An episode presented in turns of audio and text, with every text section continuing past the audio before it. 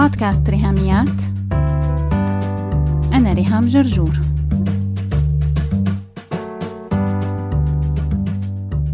مرحبا هاي الحلقة رقم 106 من بودكاست ريهاميات. الجزء الثاني من ترشيحاتي لروايات تشتروها من معرض القاهرة الدولي للكتاب أو من أي بلد أنتم عايشين فيها وتقروها بصيف 2021 يوم واحد تموز يوليو أطلقت حملة سميتها صيف screen free ليكون صيف 2021 خالي من الشاشات.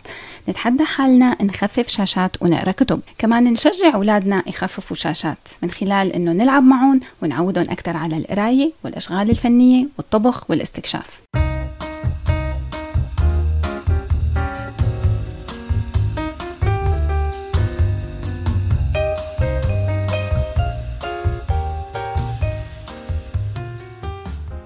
رواية برشح لك إياها قريتها خلال الشهرين الماضيين اسمها امرأة مثلها للكاتب مارك لوفي. الرواية مكتوبة بالفرنسي دار النشر أشيت أنطوان بيروت. المترجمين نتالي الخوري وأكرر امتناني للأدب المترجم. أني قدرت أقرأ هالرواية بالعربي لأني ما بعرف فرنسي. تتذكروا خبرتكم بالحلقة الماضية أنه رواية فيلا النساء الراوي فيها هو سائق؟ رواية امرأة مثلها زاوية السرد كمان very unique لأنه أحداث الرواية منعيشها بعيون موظف أسانسير قديم بمدينة نيويورك ليس هو الراوي لأنه الرواية مكتوبة على لسان الكاتب أو الراوي يلي عم يحكي القصة بس فيها فواصل على لسان البطلة كلوي. هي صفحات قليلة استخدمها الكاتب كفواصل بين ال chapters بس باقي الرواية بدور في فلك حياة ديباك. موظف الأسانسير يلي هرب مع حبيبته من الهند حتى قدروا يتزوجوا بأمريكا لأنه زواجهم كان شبه مستحيل بالهند. الأحداث معاصرة بمدينة نيويورك لكن المصعد قديم فما في أزرار هو من المصاعد الأثرية لازم له حدا يشغله. هني كان بناية أصلا يلي فاضلين بنيويورك بمصعد تشغيل يدوي. فالفكرة جديدة وغريبة.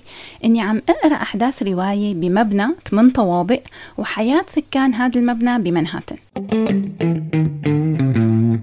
أول مرة زرت نيويورك كان سنة 2000 لما كان أخي ومرته عايشين في منهاتن ورجعت ثلاث مرات تاني زرت نيويورك آخرتهم كان ديسمبر 2017 وكل مرة أقع بغرامة أكثر وأكثر لهالمدينة المجنونة. عموما ارتباط الرواية بمدينة أو بلد معين بيزيد التعلق فيها بالنسبة إلي أنا شخصيا لأنه الأماكن جزء كتير أساسي من الحبكة والأحداث والحوارات وبحس أنه طبيعة الشخصيات يلي بالرواية بتاخد كاركتر ونكهة مرتبطة بالمدينة أو البلد. أضف إلى ذلك أنه الروائي ممكن يكون أجنبي يعني مارك لوفي فرنساوي. فلما بيحكي عن نيويورك بفرجينا المدينة بعيونه هو ودائما بيكون هذا عامل بضيف سحر مختلف للرواية غير لو كان الكاتب من أبناء نيويورك ولدان ومتربي فيها طول عمره. أهم أبطال الرواية العامل يلي بيشغل المصعد هو واحد من الشخصيات المحورية بالرواية وبيشهد على قصة حب بين شاب وبنت. هي البنت ساكنة بالبناية بالطابق الثامن الأخير واسمها كلوي. الرواية بتبدأ بإيقاع بطيء نسبيا حتى نلحق نتعرف على سكان المبنى رقم 12 في الجادة الخامسة لكن منغوص فيها سريعا. بالنسبة للاسم منتأخر لنص الرواية تقريبا لحتى نعرف دلالته. من وين جاية تسمية امرأة مثلها؟ وطبعا ما رح خبركم السبب لأنه هيك بحرق لكم النص الأولاني من الرواية. لكن بشجعكم فعلا على قرايتها. ممتعة جدا ومعاصرة جدا. الشاب عبقري كمبيوتر لكن عيلته بتحاربه بعد وفاة أبوه. بمر بدراما كتير بحياته بنتعرف عليها مع وصوله إلى نيويورك. واللقاءات يلي بتصير على مقعد حديقة وفي مقصورة مصعد عفى عليه الزمن. صعب اني خوض بأي تفاصيل تانية لحتى ما أحرق لكم الرواية لكن هي تستحق القراءة. وبالمناسبة لقيت منها فيديو كامل ست ساعات على يوتيوب بالفرنسي Une fille comme elle كتاب صوتي ليلي حابب يسمعه اكتشفت أنه متاح على يوتيوب. امرأة مثلها مارك لوفي دار نشر هاشيت أنطوان بيروت.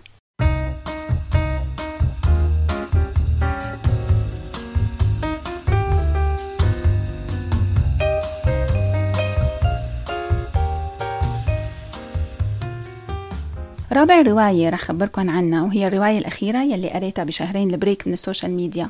ثم اختفى للكاتبة روزي والش. الاسم الأصلي للرواية The Man Who Didn't Call كان فيني أقراها بالإنجليزي اللغة الأصلية لكن لقيتها متاحة قدامي بالعربي فاشتريتها. وكمان لأني أثق بالمترجمين بدار هاشيت أنطوان. المترجمة اسمها ابتسام خضرة وفعلا شغلة ممتاز.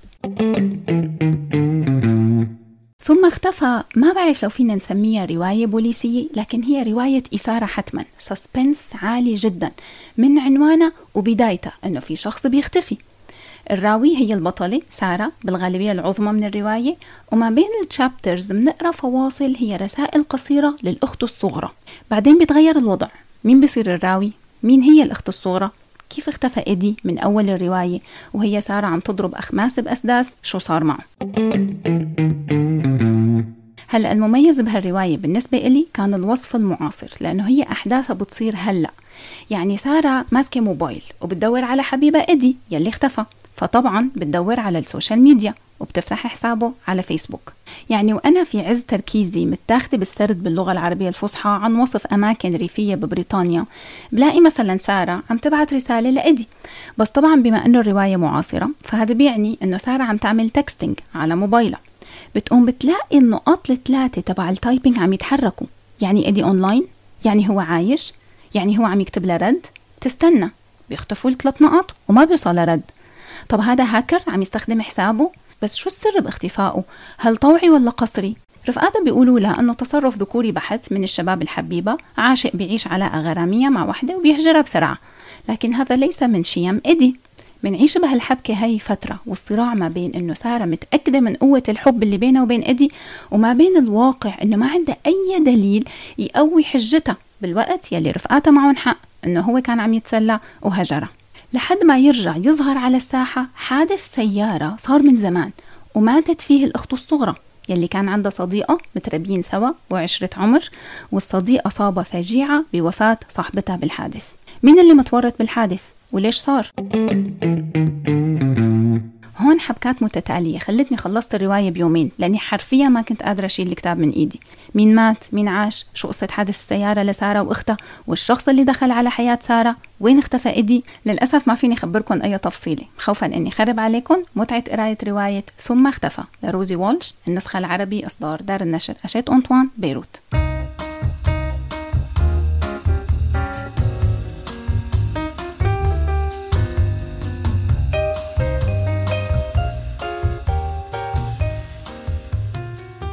هلا تحسبا إني ما أقدر كمل سلسلة هالحلقات لأني فعلا مضغوطة جدا بالكتابين اللي عم اكتبهم كتاب مصور هو موسوعة للبنات ببداية المراهقة والكتاب الثاني عن تربية الأبناء بعصر ال social media. الكتابين قرب إصدارهم إن شاء الله فهذا مخليني كتير مضغوطة بالوقت.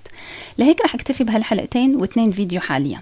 بس حابة أخبركم سريعا عن كم رواية قريتهم مؤخرا خلال آخر كم سنة تقريبا من سنة 2014 لليوم. رضوى عاشور برشح لكم تقروا لها الطنطورية وأثقل من رضوى. لكن حقيقي أي حدا ما قرأ الطنطورية فايتكن كتير. رواية من أروع ما يكون ومن النوع يلي خبرتكن عنه. رواية تاريخية. الكاتبة ابتدعت شخصيات لكن ضفارتهم جوا حقبة تاريخية للنكبة والنكسة بعدد من مدن وقرى في فلسطين وبيروت والمهجر. سعود السنعوسي برشح لكم أكيد ساق البامبو هي الأشهر. لكن رواية فئران أمي حصة أنا حبيتها أكثر كمان من ساق البامبو.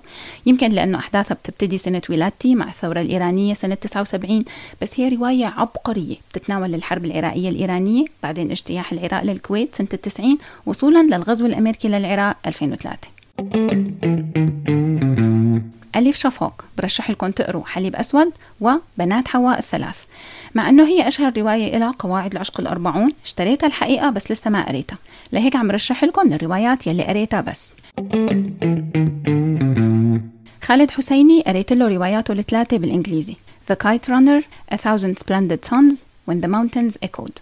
كانوا من صديق الأسرة الغالي الدكتور عماد. شكرا كتير إنك عرفتني على هالروائي العبقري خالد حسيني. مو طبيعي رواياته شو حلوين. اشتريت له كتاب هو سي براير وعندي كمان النسخ العربي من الروايات. عداء الطائرة الورقية وألف شمس ساطعة. كمان أعتقد متاح الترجمة العربي للرواية الثالثة عندما رددت الجبال الصدى. بس مثل ما خبرتكم ما بعرف شو وضع الترجمة لأني أنا قريتهم بالإنجليزي لكن بتمنى من قلبي أنه تكون الترجمات قوية وما شوهت هالثلاثية يلي هي من أروع ما يكون. تحكي عن أفغانستان بحقبة تاريخية معينة ما قبل وبعد طالبان. شفتوا؟ منلف ومندور ومنرجع لعشق الرواية التاريخية. عداء الطائرة الورقية معمولة فيلم لكن طبعا طبعا بشجعكم تقروا رواية بالأول وبعدين تحضروا الفيلم. من الأدب المعاصر والروايات يلي تناولت الحرب بسوريا وقضايا اللاجئين الفلسطينيين والسوريين رواية اسمها تيل اوف تالا لشاكر خزعل. قريتها بالإنجليزي بس هي صارت متاحة حاليا بالعربي اسمها حكاية تالا The Book Thief رواية للكاتب ماركوس زوسك متاحة بالعربي اسمها سارقة الكتب. كمان رواية تاريخية أحداثها بتحصل وقت الحرب العالمية الثانية بألمانيا النازية ومعسكرات الاعتقال لليهود. The Book Thief معمولة فيلم بس برجع وبأكد قروا الرواية قبل ما تحضروا الفيلم.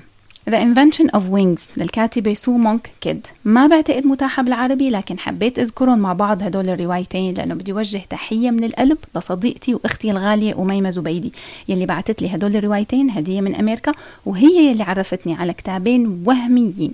حقيقي برشحهم لكل حدا لو فيكم تقروهم. جوجو مويس قريت لها أربع كتب. Me Before You After You The Girl You Left Behind Paris for One. هدول الأربع كتب أعتقد بس الأولاني متاح بالعربي. الرواية انعملت فيلم كمان واسمها بالعربي أنا قبلك. أكيد اقروها قبل ما تتفرجوا على الفيلم. الكتاب الأخير باريس فور ون هو مجموعة قصصية ما رواية لكن بنفس العبقرية الإبداعية تبع الكاتبة. كبسولة سريعة ترشيحات لروائيين. كل واحد له كذا رواية وقريت لهم كذا كتاب لكن مؤخرا أنا هذا اللي قريته لهم. النبطي يوسف زيدان. خارطة الحب أهداف سويف. رغم الفراق نور عبد المجيد. في قلبي أنثى عبرية خولة حمدي. موسم صيد الغزلان أحمد مراد. شآبيب أحمد خالد توفيق. أتائهن أمين معلوف.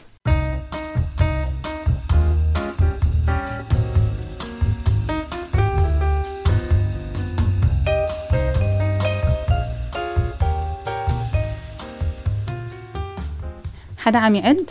كم رواية هيك صاروا؟ صح. تربحي معنا غسالة أوتوماتيك 26 رواية.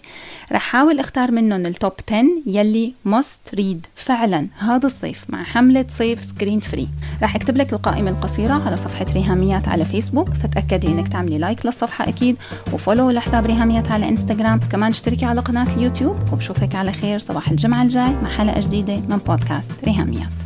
بس هيك. لو عجبتكم الحلقة لا تنسوا تشاركوها على ال social media حتى ناس أكثر تستفيد. تقدروا تتواصلوا معي عبر الموقع الإلكتروني لبودكاست ريهاميات www.rihamiat.com أو تبعتوا لي إيميل على ريهاميات at gmail.com أو message واتساب على الرقم 020 12 79 709 719 وعلى الفيسبوك دايما تابعوا صفحة وهاشتاج ريهاميات. سلامات.